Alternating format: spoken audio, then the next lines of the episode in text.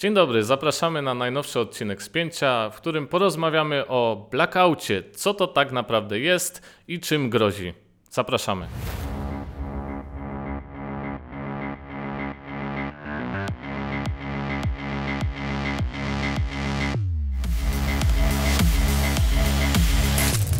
Witam w najnowszym spięciu. Ja nazywam się Jędrzej Stachura.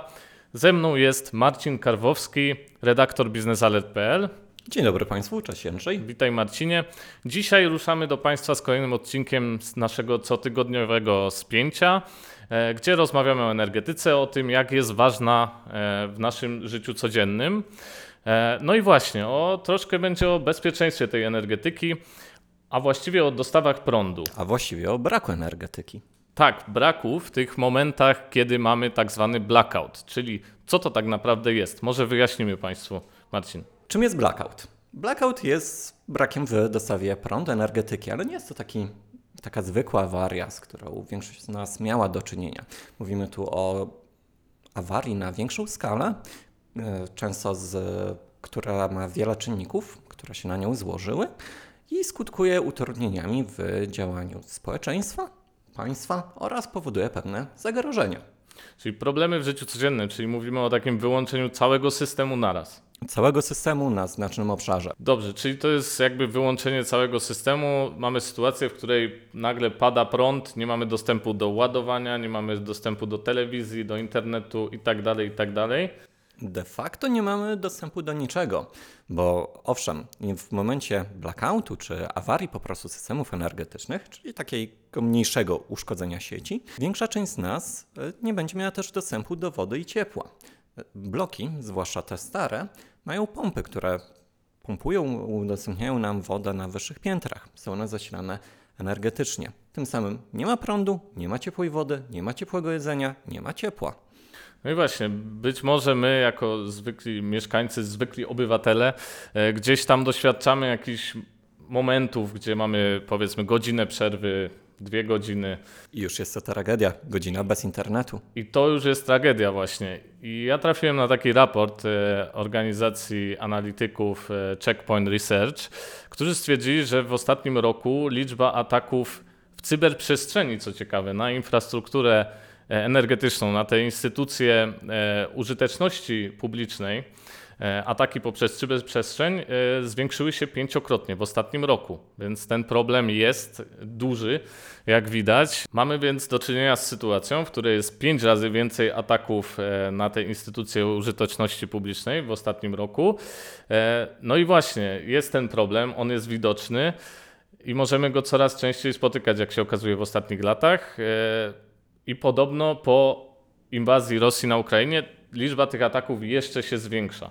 Niestety, o czym zaraz szerzej powiemy, ale właśnie atak Rosji na Ukrainę pokazał, jak niebezpieczna dla danego kraju, dla całego społeczeństwa jest awaria właśnie infrastruktury krytycznej, w tym energetycznej. Tak jak było przed chwilą powiedziane, nie ma prądu, nie będzie niczego.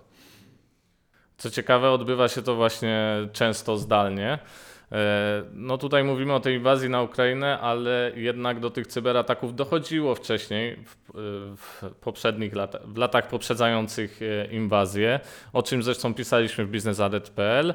E, no i właśnie, na przykład w 2015 roku, tam był też taki, znów wspomnę raport, ale tych raportów jest dużo, jeśli pogrzebiemy troszeczkę, zachęcam do tego raport brytyjskiego Biura Spraw Zagranicznych e, i Wspólnoty, jest taka długa nazwa e, tego biura. I Brytyjczycy właśnie raportowali, że w 2015 roku Rosjanie, i tam było wskazane już konkretnie, Rosjanie wyłączyli sieć energetyczną Ukrainy. Przerwa trwała 6 godzin. Wyobraźmy sobie sytuację, w której cały kraj nie ma dostępu, cały kraj, Ukraina, e, nie ma dostępu do prądu. Tak, bo gdy nie mamy dostępu do prądu, to pierwsze co nam się kojarzy i to z czym najczęściej się spotkamy, to że nie mamy internetu, rozładuje nam się telefon, laptop, nudzimy się, bo niestety większość z nas e, zabija czas z pomocą prądu. E, ale pamiętajmy, że awaria prądu w ujęciu takim globalnym to jest zagrożenie dla życia i zdrowia. Pierwsze co? Szpitale, respiratory, cała aparatura medyczna działa za pomocą prądu. Część szpitali właściwie wszystkie powinny mieć generatory, żeby się przed tym uchronić. Ale jak pokazała nam sytuacja na Ukrainie, no, nie zawsze tak jest. Druga rzecz, zadajmy sobie pytanie, ile z tych generatorów jest utrzymanych w należytej sprawności. Bo niestety, jeżeli chodzi o tutaj generatory, zapasy, tak zwaną obronę cywilną i zaplecze, m, mogłoby być lepiej. E, Ale też popatrzmy, Jędrzeju, popatrzmy proszę Państwa dalej. Nie ma prądu. Ci z nas, którzy mieszkają w dużych miastach, wiedzą, że tramwaje poruszają się dzięki trakcji. Metro również. Metro również. Pójdźmy dalej. Pociągi, komunikacja między miastami, transport. Jeżeli udałoby się unieruchomić, tak jak to miało miejsce na Ukrainie, cały okręg, czy tutaj e, całe państwo pod względem energetycznym, pada zaplecze, ludzie sobie umierają, co może też prowadzić e, do chaosu na ulicach. I tak jak mówisz o raportach, to u nas też takowe raporty i plany powstały. No właśnie, Marcinie, ale przecież y, zwykły Kowalski nie może zareagować y, natychmiast i właśnie o tą reakcję chciałem zapytać. Kto reaguje na, na te sytuacje, w których brakuje prądu nagle w całym mieście? Znaczy, zacznijmy od tego, że zwykły Kowalski powinien zawsze zareagować i jeżeli widzi, że awaria zwiększa, ją zgłosić. Czekanie, aż- zobaczy to ktoś inny, zgłosi kto inny, spowalnia reakcję. Nagrody za to nie ma, no ale E, trzeba zgłaszać. Będziemy czuli się lepiej i szybciej będziemy mieli prąd. Nagrodą będzie prąd. I możliwość obejrzenia Netflixa, ale kto to zwalcza w ujęciu krajowym? Zajmuje się tym Rządowe Centrum Bezpieczeństwa, tak zwane RCB, od których część z nas dostaje czasem SMS-y. Właśnie, czyli to od nich dostajemy te. Tak.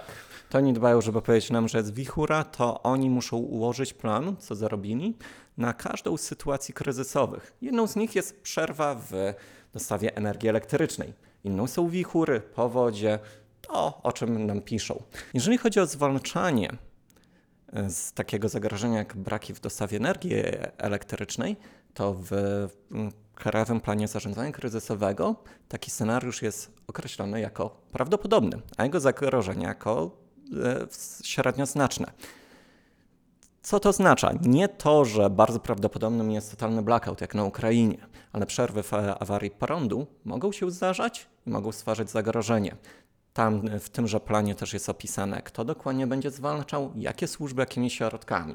Dociekliwych zapraszamy do artykułów czy mego autorstwa, czy wprost do zapoznania się z dokumentacją, która jest dostępna.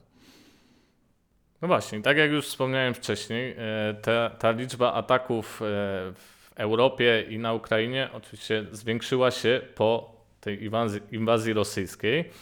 No i Marcin, jako że tu jesteś, skorzystam z tej okazji e, i zapytam Cię o właśnie Ukrainę, e, o czym pisałeś zresztą w ostatnich e, dniach, o blackoutach na Ukrainie i jak Ukraina radzi sobie z blackoutami podczas wojny.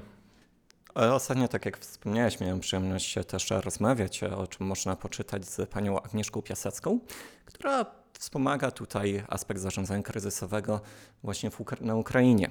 E, I tam też została wspomniana zima, e, została wspomniana zima ubiegłego roku, gdzie Rosjanie za pomocą zmasowanego ataku rakietowego e, unieszkodliwili częściowo system energetyczny Ukrainy.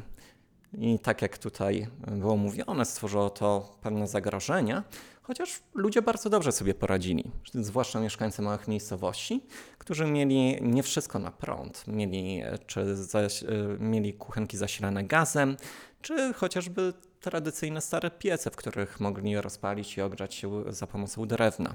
Czyli wieś poradziła sobie lepiej niż miasta. Zdecydowanie. Miasta odczuły bardziej ten blackout, ale tutaj e, miast, e, Ukraina sobie nieźle z tym poradziła. Oczywiście z pomocą sojuszników, w tym Polski. Za pomocą dostaw generatorów, jak i za pomocą tak zwanych punktów niezłomności, gdzie ludzie mogli się ogrzać, wyspać w cieple albo podładować telefon. Dużym zagrożeniem też było, bo tak jak oczywiście skupiono się na tym, żeby szpitale pracowały dalej, żeby ludzie nie umierali, żeby mieli gdzie się ogrzać, e, ale bardzo ucierpiał na tym większy przemysł. Tak jak nie jest trudno dostarczyć generator, który zasili nam e, dom, lodówkę, pralkę, e, czy, czy nawet właśnie kuchenkę, tak zasilanie całego, magaz- całego aparatu przemysłowego, który pożera olbrzymie ilości prądu, no nie jest takie łatwe. E, To, o czym mówisz, Marcin, troszeczkę mi przypomniało e, te pierwsze dni wojny, e, gdy no, okazało się, że Rosja zaatakowała Ukrainę i były też problemy z dostępem do internetu na terenie Ukrainy. I wówczas z odsieczą ruszył Starlink Elona Muska. Firma SpaceX wspierała Ukraińców i jakby zachowała ich w łączności z resztą świata.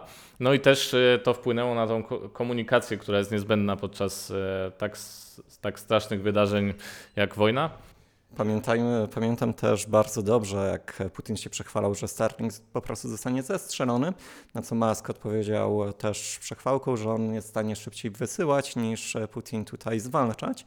No szkoda, że nie pozostał tak niezłomny e, w ostatnim czasie. Dobrze, ale to jakby temat na inną opowieść, e, dlatego zachęcamy do śledzenia spięcia. E, Marcin, no to tak na koniec zapytam, jak Kowalski ma sobie poradzić w sytuacji, gdy braknie prądu?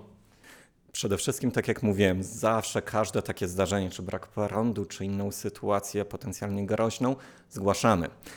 Tylko no, jak zgłosić, gdy nie ma prądu w e, gniazdku? Krzyczeć? Krzyczeć, tak, e, wysłać gołębia pocztowego. Otóż nie, proszę Państwa, zachęcamy do tego, żeby po prostu takie podstawowe numery, jak do dostawcy energii, dostawcy wody, e, czy chociażby lekarza pierwszego kontaktu, zapisać na kartce i umieścić w widocznym miejscu. Dlaczego? Nie ma prądu, nie ma internetu. Smartfon może nam by się rozładowywać, a my też będziemy w stresie, więc wyszukanie numeru nie będzie takie proste. Mając wszystko wcześniej przygotowane, będziemy sprawniej reagować. Tak, i tej baterii może jeszcze wystarczyć na to, żeby wykonać ten telefon. Do służb. bliskich chociażby, do służb. Tak. E, Kolejną rzeczą, no, warto jest mieć coś, o czym obecnie nie pamiętamy, a co kiedyś było w prawie każdym domu, czyli czy świeczki, czy latarki, czy i to, i to. Gromnica była, pamiętam, w Tak, każdym domu kiedyś. tak. Tak. Teraz już może jest inaczej, Janek. Niemniej właśnie za pomocą takich środków można sobie radzić. Jesteśmy przyzwyczajeni, że wszystko mamy w smartfonie. Internet, latarkę, ale w momencie, gdy padnie prąd nawet na parę godzin, no to będziemy mieli tylko tyle baterii, ile zachowamy. Stąd warto to zdywersyfikować i trzymać w szufladzie zwykłą latarkę. Warto też mieć w domu zawsze zapas wody, zwykły 5-litrowy baniak. Powi- Wystarczy nam, dopóki odpowiednie służby nie zareagują, nie podstawią nam beczkomatów a jakieś suche racje sprawią, że nie będziemy głodni. Przerwa w dostawie prądu może być w różnych godzinach, a co powiedział nam, e, co, co pokazał nam COVID, e, takie produkty są wtedy szybko wykupowane. O tym, jak szerzej możemy się przygotować w taki domowy sposób, też można poczytać na naszych łamach. Dla odmiany również w takcie mojego autorstwa. Racje żywnościowe też można kupić przez internet, także można sobie wyszukać. Tylko proszę pamiętać, żeby kupić, i póki jeszcze jest prąd. Później zakupy przez internet są problematyczne. Tak jest. y, Strzeżonego Pan Bóg strzeże, także A Polak mądry niech będzie przed szkodą. tak jest. Musimy być gotowi na takie trudne sytuacje. Marcin, dziękuję Ci bardzo za dzisiejszy odcinek. Dziękuję również. A Państwa zapraszamy na kolejne odcinki. Do zobaczenia.